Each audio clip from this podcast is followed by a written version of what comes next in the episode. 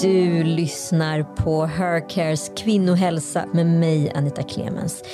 Idag ska vi prata om vad som händer i vårt kvinnliga hormon östrogen i mitten av livet när det börjar dala och vad kvinnor går igenom i klimakteriet. Om ni inte hörde förra avsnittet eh, så tycker jag att ni ska lyssna på det och, och vill du veta allting om hur våra kvinnohormoner påverkar våra signalsubstanser då ska du lyssna på allra första programmet i den här programserien. Glöm inte att prenumerera. Det finns på en poddstation nära dig.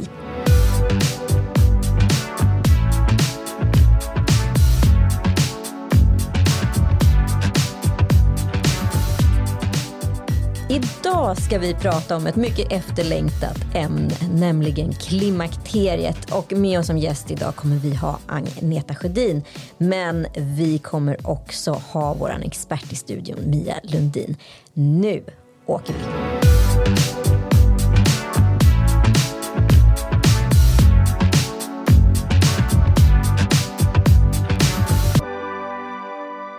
Hej Mia!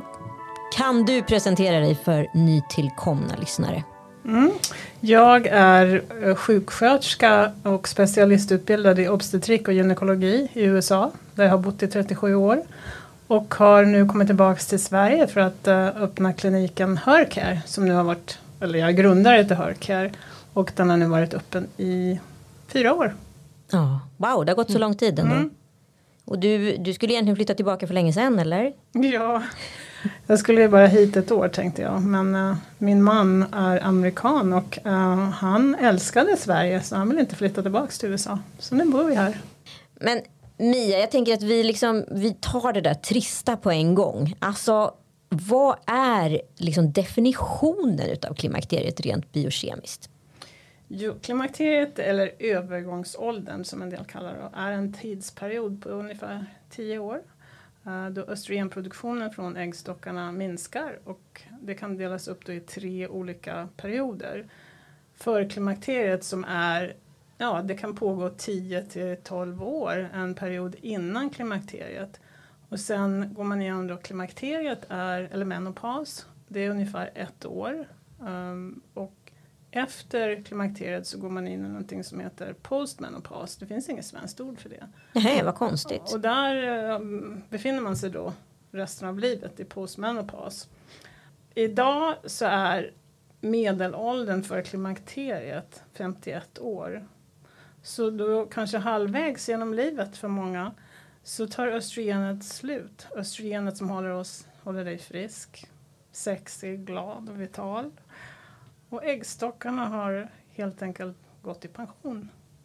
Precis, men det här är så spännande period här med liksom det här postmenopaus. Jag tror inte man, i och med att det inte ens finns ett ord för det och det är en stor del av livet. Det man brukar prata om klimakteriet är att liksom puberteten reversed, alltså spegelvänd. Men vad händer då? Går vi tillbaka till något barnstadie eller vad är, vad är det som händer i våra kroppar? Nej, i klimakteriet då som varar ungefär ett år, det är då kroppen vänjer sig vid att det här östrogenet inte finns där längre och man kan ha många olika symptom. Men en del har symptom många, många år efteråt om de inte får rätt behandling förstås. Men postmenopaus, där befinner du dig i resten av livet och eh, en del av den tiden kanske man tar hormoner och sen resten av tiden inte. Jag förstår.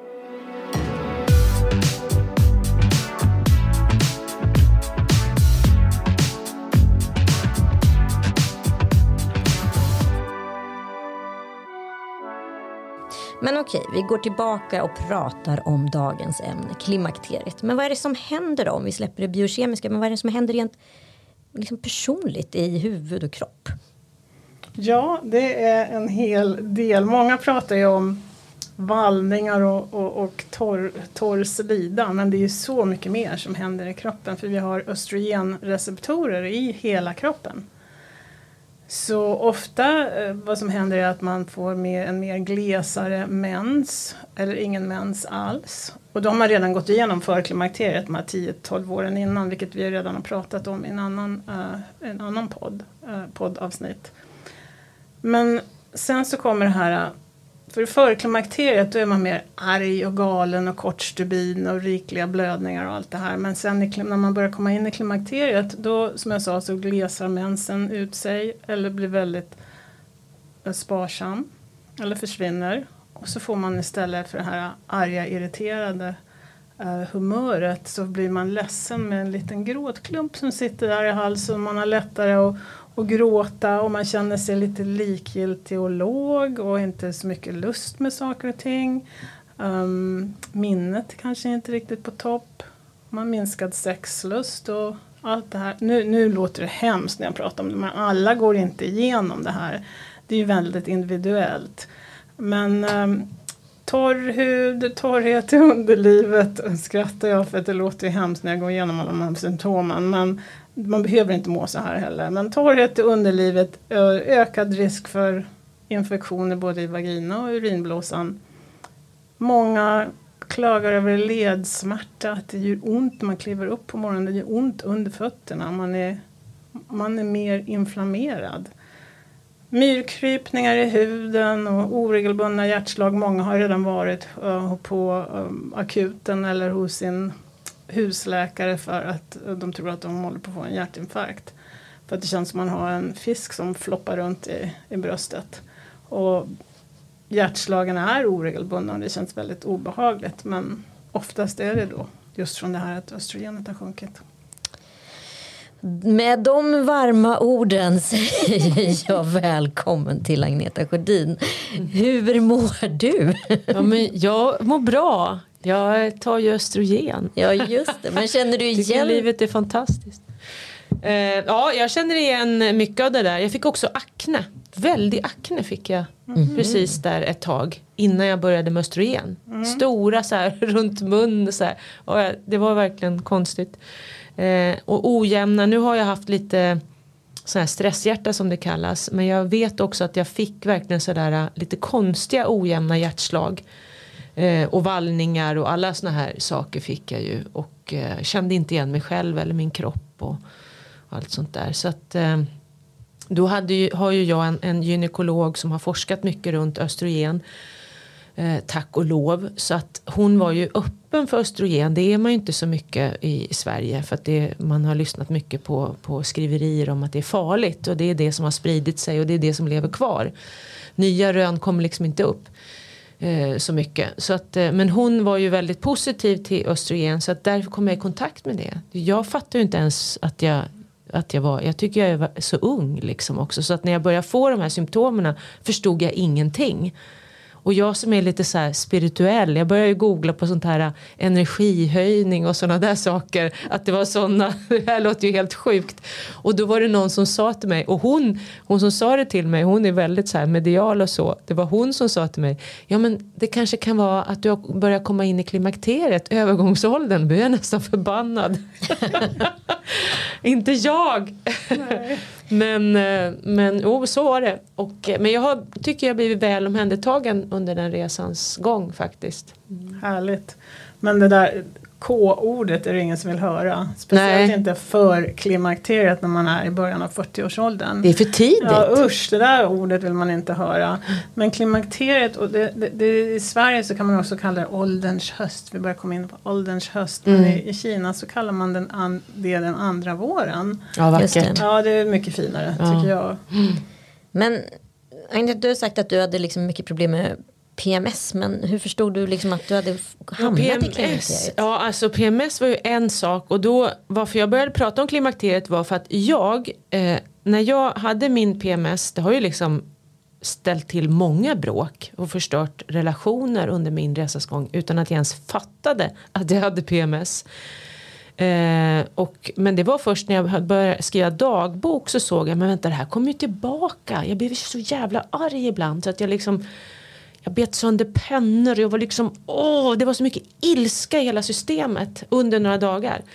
Och då fattade jag, men det här kommer tillbaka. Och då upptäckte jag det Det pratades inte om det då, för det här är ju liksom 20 år sedan ja. någonting. Pratades inte på samma sätt om det i Sverige då. Och sen nu så ser jag tjejer som sitter i tv liksom och pratar om PMS och PMDS och allt möjligt. Och då blir jag så lycklig. För jag tänker att för mig var det ju jättetufft att inte ens fatta att det var det här jag hade. Men att den här informationen kommer ut nu kommer ju kunna hjälpa jättemånga människor och relationer rädda relationer. Och då kände jag, ja men då har jag lite skyldighet. Nu kan jag i alla fall prata om klimakteriet tänkte jag. Så då har jag gjort det i vissa sammanhang. För jag tänker att det är ändå bra att man lyfter det här. Men jag kommer ihåg min mamma. Hon åkte in på liksom sjukhus för att hon hade oregelbundna hjärtslag. Så hon gick omkring och trodde Ah. i hela sitt liv att hon var hjärtsjuk från att hon var liksom 55 plus. Men, det är ju Gud vad klart. dålig information Ja. vi har om kvinnors eh, vad, vad heter det, hälsa eller ja, olika tillstånd. Det är helt galet. Jo det beskriver ju också liksom, alltså på, på ett sätt så påverkade det ju min uppväxt också att man hela tiden gick omkring och trodde att man hade en hjärtsjuk mamma. Ja. Som egentligen bara var i klimakteriet. Vilken onödig stress. Men det här är ju inte heller ett, ett, ett möte, um, patientmöte på 15 minuter utan det är ju så mycket som händer i ens liv och i ens kropp Mm. här. Först och främst att det är viktigt att man får informationen innan man hamnar där så man vet vad man kan förvänta sig och Mm. hur ser det ut, hur mår man, man, hur vet jag att jag har gått från förklimakteriet till klimakteriet. Men också man hamnar ju, det, det är så mycket som händer i livet för en själv. Man kanske har barn som har flyttat ut och man är ledsen för det. Eller man önskar att de flyttade ut. Så har de jobbiga tonåringar hemma. Och det kolliderar ju gärna det där. Ja precis, och man har föräldrar som är sjuka eller har gått bort. Så man har hamnat i vad som kallas sandwich-generationen. eh, Där man då tar hand om både barn och föräldrar. Och Just sig själv då, eh, så gott det går. Men det där är jätteviktigt att man får den informationen innan så man är förberedd. Och då krävs ett annat typ av besök än 15 minuter på vårdcentralen. Det behövs, en, det behövs kvinnoklinik. Det är viktigt att man får komma till en klinik där man får först och främst informationen om vad är det som händer i din kropp. Varför mår du som du mår? Så att det inte känns så konstigt och läskigt. Uh, och sen att det här är de olika behandlingarna som finns. Och det här är fördelarna och riskerna och, uh, med de behandlingarna. Så att du också vet det innan och Mm. kan ta det beslutet när du mår ganska bra. För det finns ju många det, är jätteviktigt att man får just den här informationen av eh, fördelarna och att man då minskar risken för, kan minska risken för hjärt och kärlsjukdom ganska drastiskt. Ja, det är inte många som vet jag. Nej, Nej. precis. Det är jätteviktigt och det är det ja, nästan hälften av oss kvinnor dör av. Mm. Fruktansvärt. Mm. Men får jag fråga en sak? Men hur, du, hur ser du på Sverige då när du kommer utifrån så här? Och på den information som finns runt det här. Den här att det är, att det är ett större motstånd mot då typ östrogen än vad det är att det skulle vara positivt. Absolut. Det, I USA är det stor skillnad för att där pratar man alla om östrogen och eh, hormonersättning och bioidentiska hormoner. Här har man inte kommit riktigt lika långt. Och vad tror du det beror på? Jag tror att det beror på att först och främst att um, många har trott då, som du sa, att man kommer få bröstcancer om man tar hormoner Mm. eller östrogen. Och sen också att det här i Sverige är vi mycket för det här naturliga. Om man tycker att det är naturligt, det ska gå igenom på ett naturligt sätt. Man ska bi- som bita ihop. Ja. Det är typiskt svenskt någonstans Ja. också. Man ska bita ihop. Precis, vad duktig flicka, Mm. klarar av det där ändå. I USA, vi bara kan bara gå in lite på det. För i USA går man ju liksom en årlig kvinnokontroll. Där man ställer sina liksom värden och man gör en stor blodutredning. Och det är den delen av läran som du har tagit med hit till Hercare. För att jag tycker det är viktigt att man också gör årliga kontroller. Här gör man inte det utan äh, ska man gå på en gynundersökning då måste man ha ett problem eller ont eller några andra symptom som man söker för.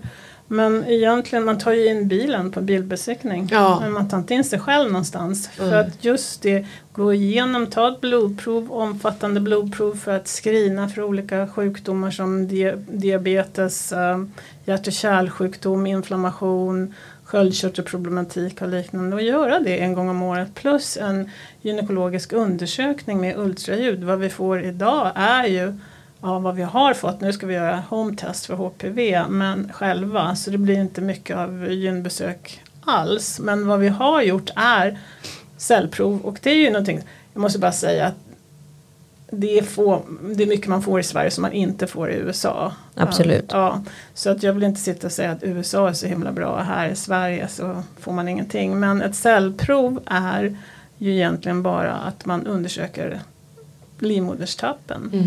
Och det är ingen någon gång som känner på din livmoder eller dina äggstockar för att utvärdera om du har syster eller myom eller något sånt. Utan det är, det är lite uland när det gäller till förebyggande vård.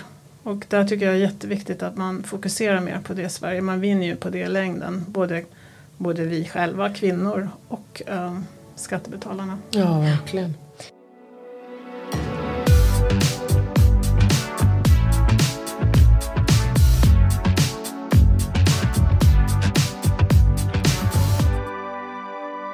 Men Agneta, om vi går tillbaka till dig då. För du hade kraftiga PMS-symptom och du upptäckte ditt eget mönster i det här. Mm. Men vad hände sen då? När du liksom hade knäckt den koden. Vad var det som hände med din kropp då? Ja men sen så trodde jag, då hade man ju på något sätt sett fram emot att mensen skulle avta och, och ta slut och sådär. För då tänkte jag då försvinner ju de här eh, humörsvängningarna, försvinner ju allt det. Men så var det inte riktigt. Nu tycker jag däremot att jag är lite mer balanserad. Men precis i början av liksom eh, förklimakteriet där kan man nog säga. Så hade jag ju fortfarande väldiga liksom svängningar i humöret och utan att jag riktigt förstod vad det handlade om. Det här arga har nog försvunnit. Det märker jag inte av. Och nu har jag känt mig på senare, senaste året sådär. Har jag känt mig mycket mer jämn och balanserad. Sen har ju jag, tycker jag att jag känner, och det kanske är så, att jag har kvar en cykel. Som även om jag inte har mens så har jag ändå kvar den här äh, cykeln utav liksom lite, lite mer låg några viss, vissa dagar under en månad och sen är jag lite mer sugen kanske under vissa dagar och så är jag lite mer, du vet att det finns den cykeln finns kvar. Kan det stämma att det är så? Hur länge sedan var det som du hade din sista mens nu? Ja men det är några år sedan. Ja. Men hormonerna försvinner ju inte bara pang bom och så är de borta utan du har ju fortfarande lite hormonproduktion från äggstockarna som sakta men säkert försvinner. Ah, okej. Så ibland är det så att i början av klimakteriet så får man en viss dos av östrogen och sen efter något år eller så kanske man, eller sex månader till ett år så kanske man måste höja den dosen för nu har ditt eget östrogen Mm. försvunnit helt. Men en del fortsätter att känna någon viss typ av cykel ändå som tydligen inte är hormonell direkt utan Det är cellminnet Ja, precis. som sitter där. eller stjärnan Man eller inbillar sig. eller. Ja, men, ja precis, men jag går inte igång på det utan ja, nu är det en sån här dag. Det brukar jag ha lite då och då och så Mm. accepterar jag det. Jag, jag liksom gör ingen stor grej av det. Men jag tänker att jag kanske måste öka. När, slutar man med östrogen vid något tillfälle? Hur länge kan man ta det? Ja, det har ju varit, eh, nu har jag varit med på det här 30 år, 35 år har jag hållit på med hormonersättning och kvinnohälsa. Och i början var det ju så att minsta möjliga dos, minsta möjliga tid. Mm. För då, då tyckte man att det här med östrogen ska man inte hålla på med. Och sen så kom den här fasen att alla ska ta hormoner för att det minskar risken för hjärt och kärlsjukdom. Och nu är vi tillbaks till, eh, nej det vet vi fortfarande, men nu säger man under ett tag då så sa man att 10 år så kan vi ta hormoner. Mm. Men sen har vi ju direkt inte några studier på fördelar och risker Ah, efter 10 år. Men nu börjar man säga som North American Menopause Society säger att mår du bra och är frisk kan du fortsätta men man vet inte hur länge, man säger inte, man vet Nej. inte med säkerhet. Så det är lite synd för att eh, vi, eh, jag kommer fortsätta livet ut. Men, Ja, så, det är den inställningen jag har för jag tycker östrogen har räddat mitt liv. ja. Alltså jag, ja. Men hur mådde du då innan? Nej men det var som att jag blev en annan person. Alltså det, det var så mycket som hela systemet bara kraschade på något vis. Med de här vallningarna och de här svängningarna i humöret och, eh, och akne. Och det var, det var verkligen, det var så mycket som, som blev så konstigt med mig. Så att jag blev nästan deppig av bara det. Tänkte vart tog jag vägen? Och sen, sen blev det ju inte en förändring i samma dag som jag började med östrogen utan det tog nog ett år innan det liksom sattes i systemet. Tyckte jag i alla fall. Eh, innan jag landade i det och sen har jag bara känt att ja men nu är jag jag. Jag är liksom fortfarande jag och det är så härligt att få känna att, att det här, den här personen känner jag mig bekväm med. Det här är jag. Men många som har lidit av PMS och det här cykliska Mm. dåliga måendet ser fram emot um, klimakteriet ändå. Mm. Ja det var ju det jag gjorde. Ja precis för då blir det samma varje dag. Ja. Men det gäller att man har det bra varje dag. Ja. Visst mår man olika från dag till dag Mm. bara av att leva och, och, och, och finnas till. Men eh, Men jag hade nog lite för höga förväntningar på det där för jag trodde att åh så fort mensen är över då kommer allting att bli bara toppen. Men då kom det ju lite en annan, lite annan problematik. Men, ja, men nu har jag ju inte de problemen så att nu känns det ju fantastiskt. Nej, men vi var ju lite inne på det. Alltså, Sandwich-generationen är ju just det här att man har döttrar eller liksom barn i puberteten eller senpuberteten och börjar, föräldrar börjar bli sjuka och gå bort. Och sen så kanske man, många, många i vår generation har ju också gått igenom en skilsmässa eller bytt partner. Alltså vad händer i relationerna liksom när man inte känner igen sig själv och som partner kanske inte känner igen sin kvinna. Hur ska man agera säger du Mia? Ja männen borde ju få information tycker man ju Verkligen. också. Ja, verkligen. Båda. Man borde komma in som ett par och få den här informationen Mm. tycker jag. Det här är varför hon beter sig så. Mm. Det är inget personligt. Slappna av, andas. Ja, det har ingenting med dig att göra. Uh, nej men det är jätteviktigt att de får den informationen också för att det påverkar ju inte bara dig utan det påverkar alla, förhåll- alla relationer runt omkring dig. Mm. Uh, och det är ju jättejobbigt för man vill ju inte vara så. Nej man vill inte att- vara det monstret. Nej, precis. Men blir det liksom nästan så här att man ringer upp och säger säg förlåt eller hur ska man agera alltså runt sig själv för man är ju inte sig själv. Nej men man kan inte göra det när man är mitt i det för då känns det som det är alla andras fel egentligen. I alla idioter. Ja. Alla är såna idioter Ja, i det där läget. Man får hitta sätt tycker jag liksom. Komma ut i skogen, gå långa promenader, träna, hålla sig lite undan. Det är lite tråkigt också att man ska behöva liksom ta det här ansvaret själv kanske. Men för sin egen inre sinnesfrid någonstans så kan det vara skönt att man liksom ändå eh, håller, håller lite koll på de här dagarna och, och tar hand om sig med massa kärlek. Mm. Så gott det går. Pratar om det också. Det är jätteviktigt att prata i relationen om det. Nu är det ju mycket mer uppe på bordet än vad det var för några år, år sedan här i Sverige. Så att nu finns det ju också en möjlighet. Jag tänker den generation som växer upp nu i relationer med, med kvinnor som liksom får PMS. Och där. Jag tror att man pratar på ett annat sätt Ja. med varandra nu. Hoppas i alla fall. Jo precis. N- när man är mitt i PMS Mm. och är jätteirriterad och Mm. arg och då vill man ju gärna bara prata. Mm. Och att någon ska lyssna på en och säga men åh vad jobbigt, Ehm, berätta mer. Mm. Ehm, hur känns det, hur kändes det då? Mm. Men vi vill inte ha lösningar utan vi vill bara att någon lyssnar. Så där är det jätteviktigt att männen då eller ens partner gör så att man, man en, en kompis som jag har säger så här uh, Do you want an ear or do you want a solution? Mm. Man vill inte höra någon jäkla solution. Män det bara- är ju väldigt fokuserade på att Ja. komma till lösningar. Man tror liksom att nu är problemet löst ifall jag berättar hur Ja, man gör. Och det är ju kanske inte alltid så. Nej, Nej. vi vill ju bara prata. Ja. Man pratar av oss. För när ni pratar så ökar vi ox- oxytocinet. Mm, Och då mår mm. vi bra. Men just det här med uh, förklimakteriet och ilskan. Att man är arg och, och uh, hormonerna svänger upp och ner. Och man kan ha vallningar då också från Mm. ett svängande östrogen. Och då är det viktigt att um, man, om man går till en läkare att man kollar då. Att de kollar dina värden. Mm. Så att du fortfarande inte är i, i förklimakteriet. För då är östrogenet högt och svänger upp och ner. Och får du östrogen då. Då blir det inte bra. Nej, då blir det inte bra. Så det är väldigt viktigt att man får rätt hormon i rätt fas. Så när man sen kommit in i klimakteriet, det är då man behöver östrogenet. Mm. För då har det ofta vänt att man går från den här ilskan och den här arga, uh, korta stubinen och allt det till den här mera klumpen i halsen och att man är gråtmild och har liksom inte lust med saker och ting Mm. längre. Att, Nej, det där får man ju googla lite på. Eh, Överdos av östrogen eller för lite östrogen. För det har jag gjort, fått göra några gånger när jag har känt liksom att nej, men nu känner jag mig ledsen. För att kolla av så att jag inte tar för mycket eller för lite och sådär. Det får man ju googla sig fram lite. En annan sak jag tänkte på som jag ville fråga om Hercare tänker på. Jag har ju gjort ibland sådana här, man har gjort någon blodtest och jag tror inte jag har gjort hår.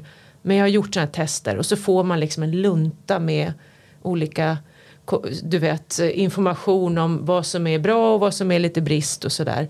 Ibland fattar inte jag de där papperna.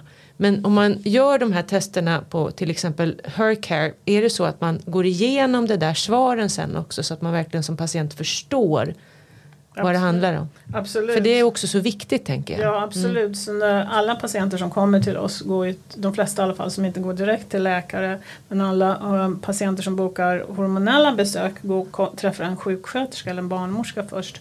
Och då har hon gjort, eh, patienten gjort en, ett omfattande blodprov. Mm. som man då går igenom med henne. Både för att screena för kroniska sjukdomar och hennes hormonella status. Och förklarar så här, det här är det här och det här njurstatus är bra, levern ser bra ut. Du, Mm. Det är bra. Ja, Det är en precis, väldig så att trygghet i det. Ja, verkligen. Ja, jag har precis gjort klart min utredning nu. Mm. Jag är så... Såg det bra ut? Ja, men alltså, det är en jätteskillnad jämfört med att jag går till min allmänläkare och bara får reda på liksom, fyra, fem värden. Här är det ju liksom en stor palett och man Mm. går igenom minsta detalj. Så här, så här ser ditt levervärde ut, så här ser det sina njurar ut. Alltså, och Men så du här ska du fylla inte- på lite och här ska du Ah. ta bort lite. Och nu äter du för mycket av den här eh, tillskottet. behöver du inte alls göra. Men Sådana det blev saker. inte övermäktigt då att det blir för mycket liksom och krångligt? Absolut inte. I. I grunden så har vi, jag har haft jättemycket problem liksom och eh, har liksom haft problem med min sköldkörtel och så. Och, och gått till den allmänna vården och liksom Ja, det ju, kan ju verkligen ställa till det problem där. alltså. Ja, exakt. Och, och sen så har jag då sökt på egen hand och gått till en annan och fått liksom massa vitaminer och tillskott som jag behöver. Men nu har det visat sig att det är alldeles för mycket vitaminer och Ja. tillskott. Så det var jättebra att göra den här utredningen för att få reda på att du eh, behöver verkligen inte ha det där. Däremot kanske ska jag fylla på lite mer med det där. Så, och, och jag måste säga liksom, det här har varit en resa för mig. Du pratat om tidigare också Mia. Men liksom, alltså från att jag har fått barn har ju inte jag riktigt känt mig som mig själv. Och senaste fyra åren har jag varit rätt låg. Tills ja, i våras när jag bara kände så här. Oj, jag har landat. Liksom, Ja. Nu är jag tillbaka. Och det är en otrolig aha-upplevelse. Det kan väl liksom alla skriva under som har varit med om det. Fantastiskt. Så att det, det, alltså jag, det är därför jag gör den här podden också. Ja. Jag var på möte med dig Mia och blev så otroligt inspirerad. Jag kände så här, jag fan, jag är 43 år inte haft en aning om det här. Men det är jättebra att du gör den här podden för det här behöver ju få spridning. Så att Absolut. det är så viktigt. Men hur ofta behöver man göra den här testen? Den som då Anita gjorde. Och så ser hon liksom, ja det är lite för mycket, det här kan jag dra ner på, det här måste jag öka och sådär. Men hur ofta räcker det att man gör en sån här koll då en gång per år?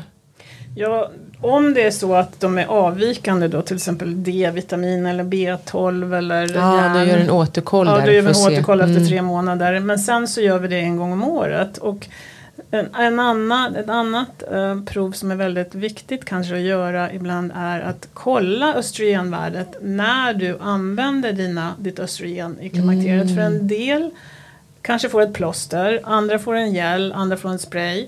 Och det är inte så att, det är ju så att huden är ett organ.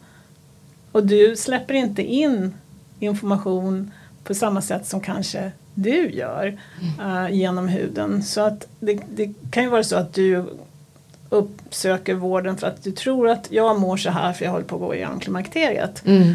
Och så får du höra att nej, men det här är inte symptom av klimakteriet. Det Mm. tror jag inte. Ja men jag vill ha ett plåster och prova i alla fall. Okej, du får ett plåster. Mm. Och sen så kommer du tillbaks efter eh, tre månader och säger jag, jag mår inte bättre. Nej men då var det inte klimakteriet. Och sen vandrar du vidare och fortsätter att må dåligt. Mm. När man inte ens har kollat att du verkligen absorberade östrogenet Mm. i plåstret. Du kanske behöver en gel istället och absorbera det väldigt bra. Jag tycker spray, jag har sprayen, den tycker jag har funkat. Den, den tar jag här då på. Mm, precis. På underarmen. Ja, Men den är väldigt svag. Så ibland, Är den? Ja, Ja, men den- är nu- ansatt så är den det. Så Mhm. det kan vara så att du kanske senare när ditt östrogen verkligen har bottnat ut att Mm. du behöver en annan produkt. Jag får gå till er hör jag, boka tid. Ja, Ja, jag ska boka tid Ja. Jag måste ju kolla de här värdena. Ja, jag tycker alla ska gå. Ja. Det bästa som Mm. hänt i mitt liv.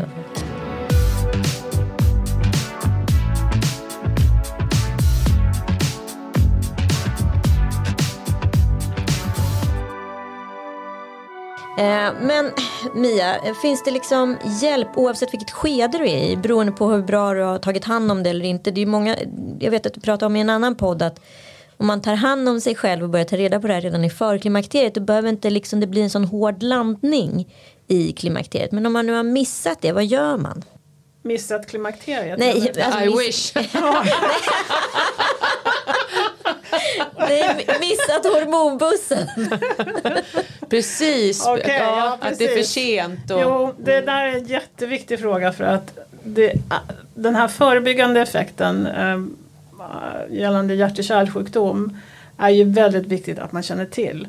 Och då är det ännu viktigare att man börjar med hormonersättning tidigt efter Ja. klimakteriet. För har du väntat för länge och missat som vi säger hormonbussen och det har gått tio år, för det finns ju kvinnor som kommer till oss och har läst på eller lyssnat på någon podd och ja, jag känner igen de här symptomen, jag vill börja med hormoner och det är nu tio år sedan du gick igenom som du hade din sista mens.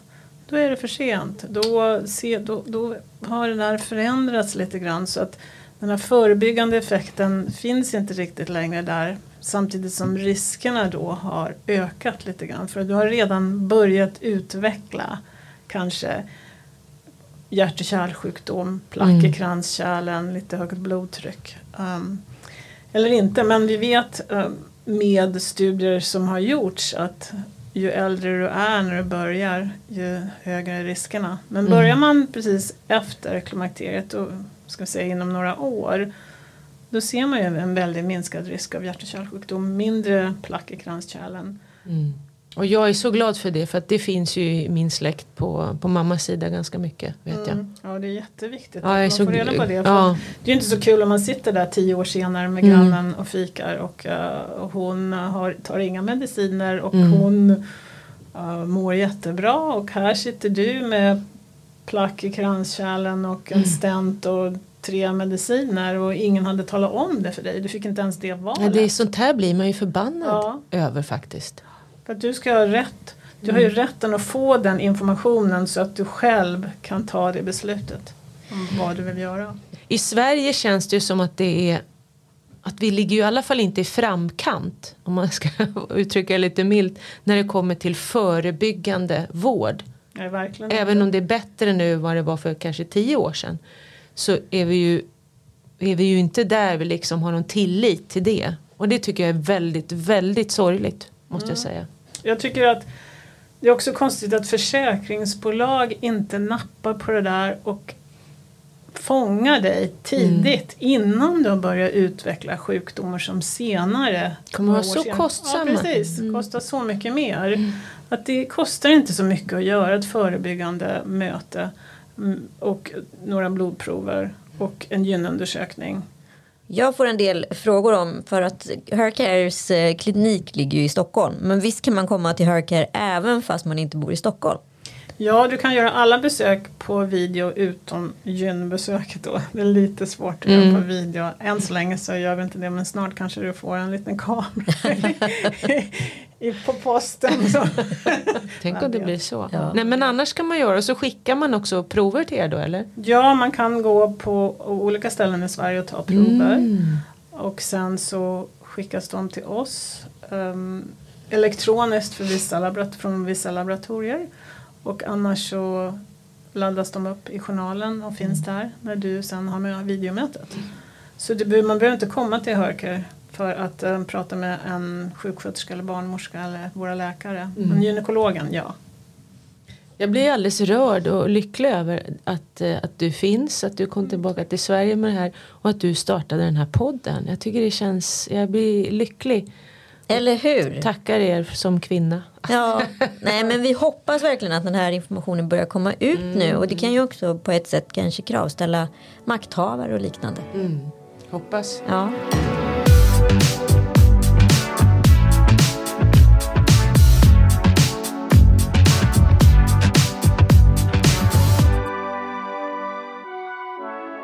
Vi har faktiskt fått några lyssnarfrågor så jag tänkte att vi tar dem när vi ändå är på gång. Så att säga. Hej, jag är i klimakteriet och mår ganska bra. Borde jag ta hormoner ändå? Ja, vi har ju täckt det ganska mycket ändå Mm. det här med förebyggande, um, för förebyggande syften. Men vi får ju, jag får ju de frågorna, jag har fått dem under alla de här åren också från kvinnor som mår bra. Um, ska jag ta hormoner? Ja, det är svårt att veta. Utan du måste ju utvärdera dina risker först då. Du kanske ska göra en bentäthetsmätning för att se om du håller på att utveckla benskörhet, vilket var tredje till var femte kvinna efter 50 utvecklar. Ben, jag bröt ju lårbenshalsen och det, då var jag väl typ eh, ja, eh, närmare 50 i alla fall. För då i en cykelolycka så smällde den. Och då vet jag inte men då tänker jag någonstans att eh, jag har aldrig kollat om jag har benskör. Jag tänker ju liksom att jag har att jag har väldigt stark benstomme. Men det vet man ju inte som du säger. Jag visste inte heller att det liksom minskar med åldern och sådär. Hur kollar man det med benskörheten? Det gör man med en, en det heter DEXA-scan. Mm. Det är en röntgen som då kollar ryggraden och äh, bentätheten i ryggkotorna läng, längst ner eller i ländryggen och sen också höftbenet. Mm, mm. För att se. Och, Har ni det eller hos er? nej men vi remitterar för det. Ah, okej. Mm. Sen är det ju så att osteoporos då som det heter eller benskörhet det är ju en silent disease. Man vet inte att man har det. Och är det så att du sen bryter ett lårbenshalsen eller äh, bryter ett ben eller man råkar se det på röntgen då har det gått väldigt långt.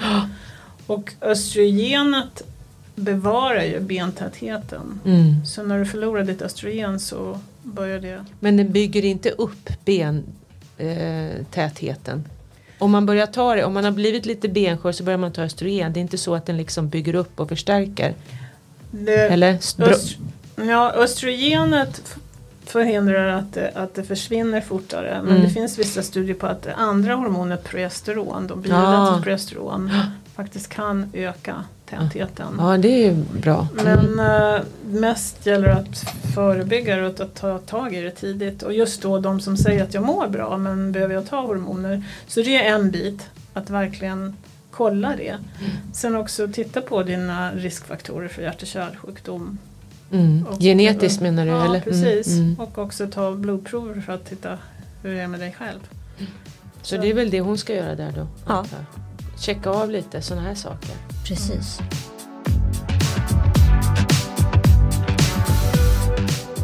Jag är 49 år och inte haft mens på tre månader. Min läkare säger att jag är klimakteriet. Jag tar inga hormoner för jag mår relativt bra. Men har gått upp 7 kilo som jag vet vad jag än gör kan jag inte bli av med. Så sitter vi mage, lår och rumpa. Jag vet precis Ja, vart de där extra exakt. sitter. De klistrar sig fast liksom. Ja. Det går inte att skaka av dem. Och anledningen till det är ju många, eller eh, det har mycket att göra med att östrogenet har försvunnit. Och östrogenet är ett väldigt antiinflammatoriskt hormon.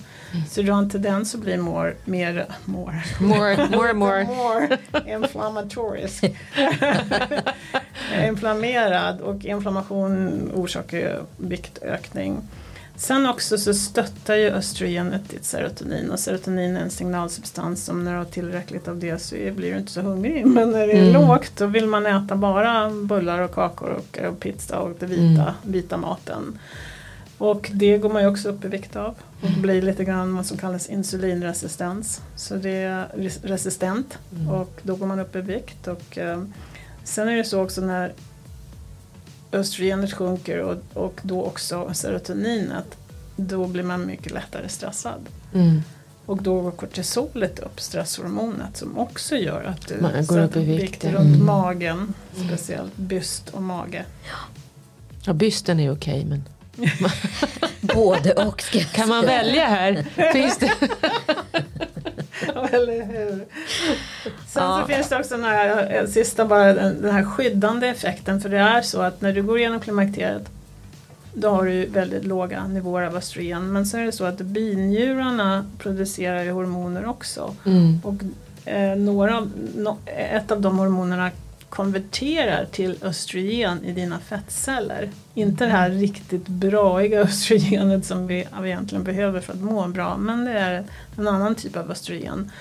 För att kanske det är, lite grann backup-mekanism att skydda dig så att du inte blir helt utan östrogen. Så de som är väldigt smala, har låg kroppsvikt, har ofta svårare, om de inte tar hormoner, svårare symptom än de som har lite övervikt.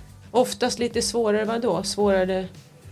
Svår, äh, har mer, mer symptom och Ah. svårigheter med att gå igenom klimakteriet. För De som är un, lite In- underviktiga. underviktiga. Aha, Mhm, okej. okej. Mm. Ja, intressant att veta.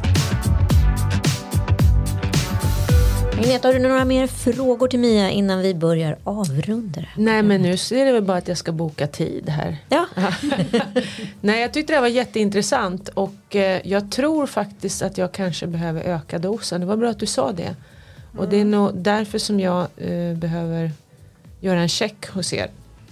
För att när, om du inte har tillräckligt då börjar du känna det mer som att du har inte samma motivation och fokus längre. Och, Mm. ehm, det känns Nej, lite exakt. jobbigare att göra saker och ting. Men Och så får jag lite hettningar ibland. ja precis, det är ju det är klara symptom. Mm. Ja, jag får Det- öka. Jag visste inte att man kunde öka. Tar du progesteron också? Ja, jag tar progesteron. Ja, nej, men jag tog eh, tabletter där ett tag och så tyckte jag att det var lite krångligt med att komma ihåg doseringen och sådär. Och då satte jag in min hormonspiral igen.